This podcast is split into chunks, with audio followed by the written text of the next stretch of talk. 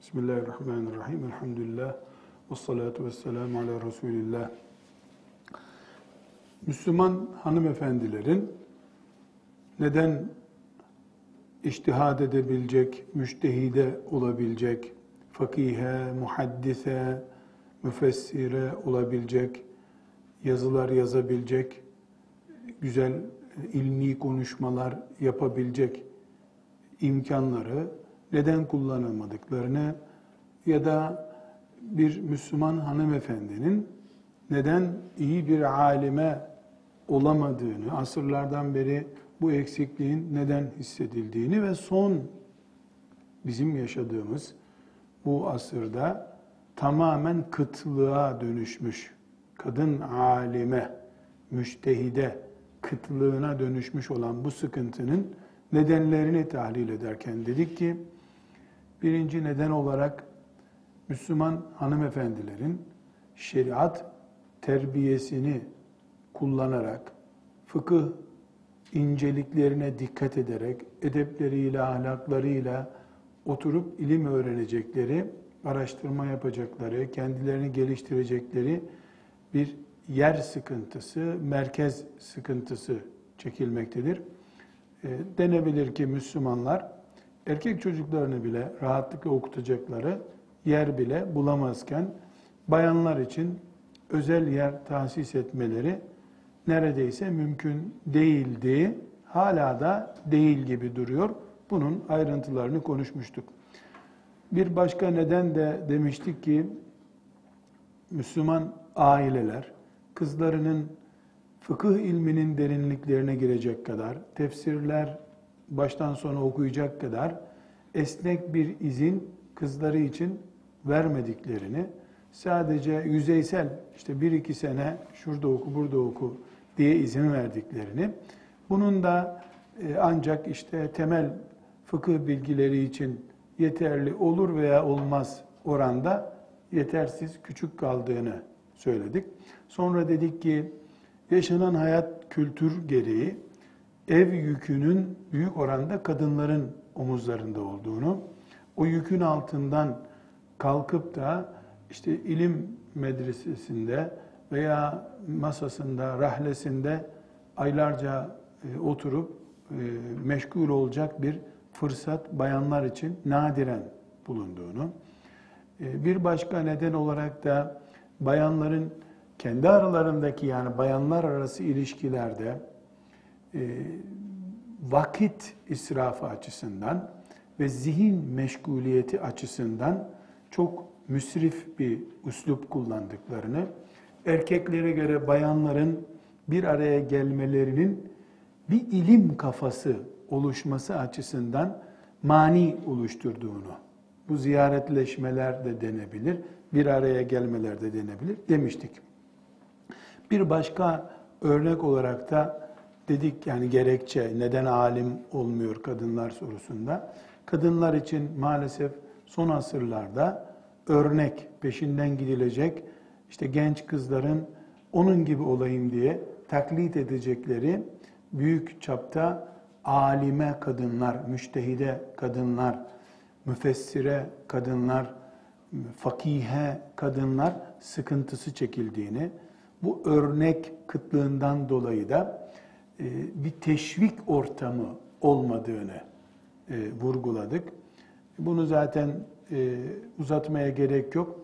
İşte hem cinslerine karşı çok forslu ve heybetli olan kadın doktor bolca göründüğü için bütün kızlar doktor olma yarışına girdiler. Bunlar konuşunca herkesin sustuğu, yazdığı yazıya kimsenin itiraz etmediği fakiheler, müştehideler görselerdi, e, belki 10 kabiliyetli, zeki kızdan beşi doktor olmak istese, beşi de fakihe olmak istiyorum diyecekti.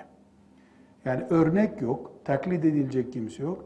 Kızlar e, bir önlerine bakıyorlar, evde oturan annesi bir de e, hastalara karşı ciddi bir şekilde vakarlı kimliğe sahip doktor hanım. Yani annesi gibi olmaktansa doktor hanım olmayı yeğliyorlar.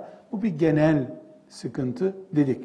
Bir başka e, engel de evlilik iddiası olduğunu söyledik. Yani evlilik ilme engel kabul ediliyor. Bu erkeklerde de bir sıkıntıdır. Sadece bayanlar için değil.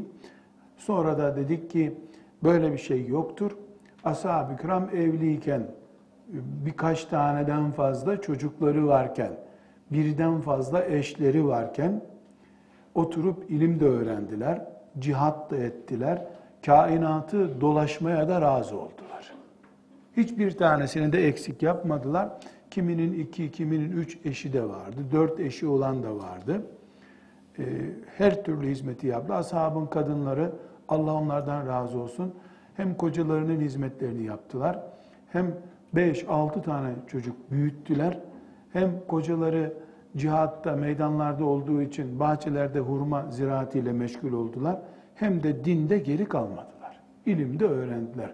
Demek ki yapmak isteyen için evlilik ciddi bir engel değil. Evet bir hız düşüşü söz konusu olabilir. Ee, yani günde 100 e, sayfa okuyacak birisi evlendiği için bunu düşürsün 60 sayfaya.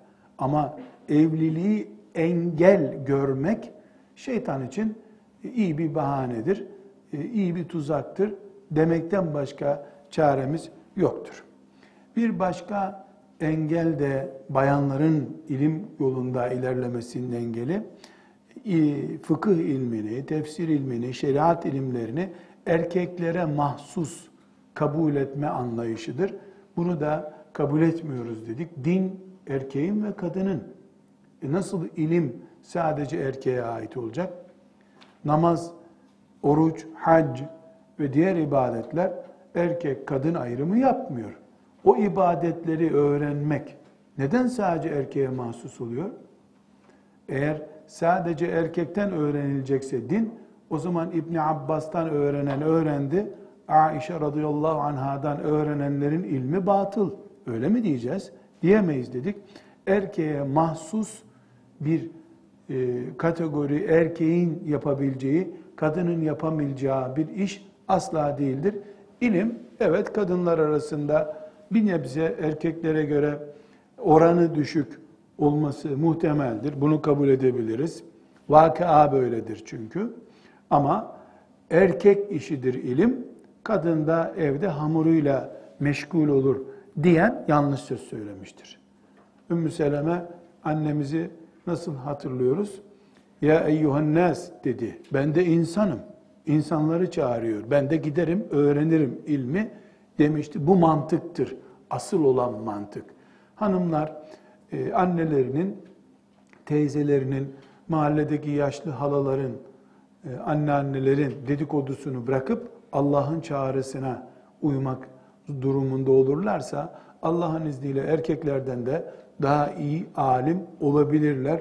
Bu kapıyı Allah kadınlara kapatmamıştır. Kim kapatıyorsa Allah'ın açtığını kapatmak istiyordur. Kapatamayacaktır onu zaten. Ve bir sekizinci neden de kadınlar neden alim olamıyorlar sorusunun e, dün evvelki dersimizde tekrar etmediğimiz, bugün yeni olarak tekrar edeceğimiz bir sorun. Bu çok ciddi bir sorun. Bir miktar erkeklerde de bu hastalık vardır. Bu işe girersem bunun hakkını veremem korkusu. Bunu bunu e, başlarsam mesela ilim yoluna girersem bu ilmin hakkını veremem korkusu. Bunu şöyle iyi anlaşılsın diye örneklendireyim. Mesela bir erkek için sakal bırakmak kavi bir sünnettir. Mühim sünnetlerdendir. E niye sakal bırakmıyorsun sorusuna? Ya sakalın hakkı var, o hakkı veremem ben. Nedir sakalın hakkı? İşte sigara içemezsin sakallıyken. Kötü yerlere girip çıkamazsın. E, e sakal bunları hep engeller. E bunları yapmak istiyor musun? E yok. E tamam bırak, uzat sakalını, sünnete de uymuş ol. Hakkını veremem. Sakal ciddi bir iş. Mesela sarık sarmak, erkekler için yine e, bir heybet unsurudur. Toplumun, Müslüman toplumu, erkeklere Müslüman tipli olduğunu gösteren bir simgedir. E sar, hakkını veremem. Yani bu bir kaçamak çeşidi aslında. Sen hakkını verip veremediğinden önce hak verilmesi gerektiğini kabul etmiyorsun bu işte. Bayanların ilim yoluna girmesi halinde mesela bir bayanın ilmihal bilgisi düzeyindeki fıkı aşıp iştihatları anlayacak, telif yapabilecek bir düzeye geldiğini kabul edelim. Bunun hakkı nedir? İlmin hakkı nedir? Ketmetmemektir. Yani gizlememektir. Gizlersen ilmin hakkını vermemiş olursun. Bir sonraki kuşağa öğretmezsen ilmin hakkını vermemiş olursun. Amel etmezsen ilminle ilmin hakkını vermemiş olursun. İlmin üç hakkı var demek ki. Baştan en ağırından alalım. İlminle amel edeceksin. İki, sorulduğunda gizlemeyeceksin. Çünkü Allah bildiğini gizleyenlere ateşten gem vuracak kıyamet günü. Üçüncüsü, bir insan senden bu ilmi öğrenmek istiyorsa öğreteceksin. Bu üç yükü var ilmin. Her şeyden önce bu üçü de karşılıksız değil. Amel ediyorsun, sevap veriyor Allah. Sorulunca hakkı ilan ediyorsun, sevap veriyor. Eğer hakkı söylediğin için şehit edilirsen, azaba uğratılırsan dünyada, sana Hamza bin Abdülmuttalip'ten sonraki e, en büyük şehitlik sevabını veriyor Allah. Zalimin önünde hakkı konuşan eğer azaba uğrar, şehit edilirse e Allah ona en büyük sevapları veriyor. Karşılıksız değil. Öğretiyorsun. Dünyanın en faziletli amellerinden birini yapıyorsun. Yani üç ilmin üç yükü var. Üç sorumluluğu var. Üç sonucu var. Bu üç sonuç da Müslüman olarak sen zaten cennetin peşinde koşmuyor muydun? Derdin Allah'ın rızasını kazanıp cennetine girmek değil miydi? Evet. Bu üçü de onu sağlıyor zaten. Namaz gibi, oruç gibi, ibadet, tesettür gibi bir ecir kazandırıyor alime bir kadına. Dolayısıyla bunların yükümlülüğü altında ben ezilirim. Bunları yerine getiremem sözü doğru bir söz değil. O zaman sen namaza da durma. Namaz kılarken Allah'ın önünde durmak ne demek biliyor musun sen? Kazara namazda kaşındın diyelim. Allah'ın huzurunda kaşınır mı bir insan? Allah'ın önünde dururken içinden işte bebek ağlıyor mu, eşim geldi mi diye düşünürse bir insan yakışır mı Allah'ın huzurunda namazda? Yani hadisi şerif ne diyor? Sen Allah'ı görmüyorsan da Allah seni görüyor ha. Böyle ibaret et diyor. O esnada insan şehvet düşünür mü, yemek düşünür mü, para düşünür mü? Yok. E düşünüyorsun. O zaman namaza durma sakın ha. Neden? Hiç Allah'ın huzurunda böyle şeyler düşünülür mü? Demek ki namaza dursan kötü şeyler düşün. Kılma, cehenneme gir. Böyle diyen var mı? Ramazan-ı Şerif'te oruç tutunca gıybet ettin mi orucun sevabı gidiyor. E, muhakkak gıybet edeceksin kadın olarak. Kaynanan da bugün ziyaretine gelecek zaten. Gıybet edip ne etmeyecek? Bugün bari oruç tutma. Deniyor mu böyle? Böyle denmediğine göre ilim de çok ağır. Şimdi o, o kitabı oku, tefsir oku, hadis oku. Bunların bedelini kim ödeyecek? İyisi mi? Hiç girme bu işe, cahil kal. Tam bir şeytan kapanı. Ala bir şeytan tuzağı bu. Evet, doğru. İlmin bir bedeli var. Öğrendikçe ağırlaşman gerekiyor senin. Öğrendikçe ecrin artacak. Ona karşılık eziyetin artacak. Eziyet göreceksin. Evet, aile içinde sıkıntın olacak. Evet, eşin bundan bir miktar etkilenecek Evet çocukların bundan bir miktar etkilenecek. Hele hele kadının ilimle meşgul olması, ilimle derinleşmesi e, bedeli biraz ağır. Ecri de büyük. Ecri de büyük. Allah Teala demiyor ki herkese aynı sevabı veriyorum. İster çok yorul, ister az yorul. Öyle değil ki. Hadis-i şerifi muhakkak hatırlıyorsunuzdur. Efendimiz sallallahu aleyhi ve sellem ne buyuruyor? Kur'an okuma sevabını anlatırken Kur'an'ı sorunsuz, düzgün Bismillahirrahmanirrahim deyip başlayıp okuyana bir sevap vardır buyuruyor. Yani bir kere ona yazılıyor. Kur'an okurken zorlanan, harfleri çıkarmakta zorlanıyor, gözü görmüyor, zorlanıyor. Yani normal okuyamıyor. Arkadaşları 3 dakikada bir sayfayı okuyup sadakallahu azim deyip kapatıyorlar. O 15 dakika sürüyor. Ona iki sevap vardır. Neden? Bir Kur'an okuduğu için bir de okurken sıkıntı çektiği için. İlim de böyle. Bir erkeğin hiçbir sıkıntısı yok. Normal Kur'an öğreniyor, tefsir öğreniyor, hadis okuyor, muhaddislerden ilim öğreniyor. E, ilim yolunda ne kazanıyorsa onu kazandırıyor Allah'tan, alıyor sevabını. Bir bayan ilim yolunda olduğu zaman erkeğin aldığı sevabı alıyor.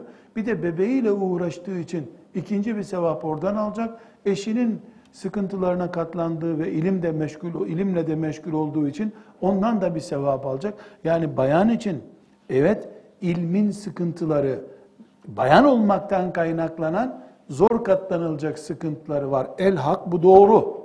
Bunda bir yanlışlık yok ama boş değil karşılığı.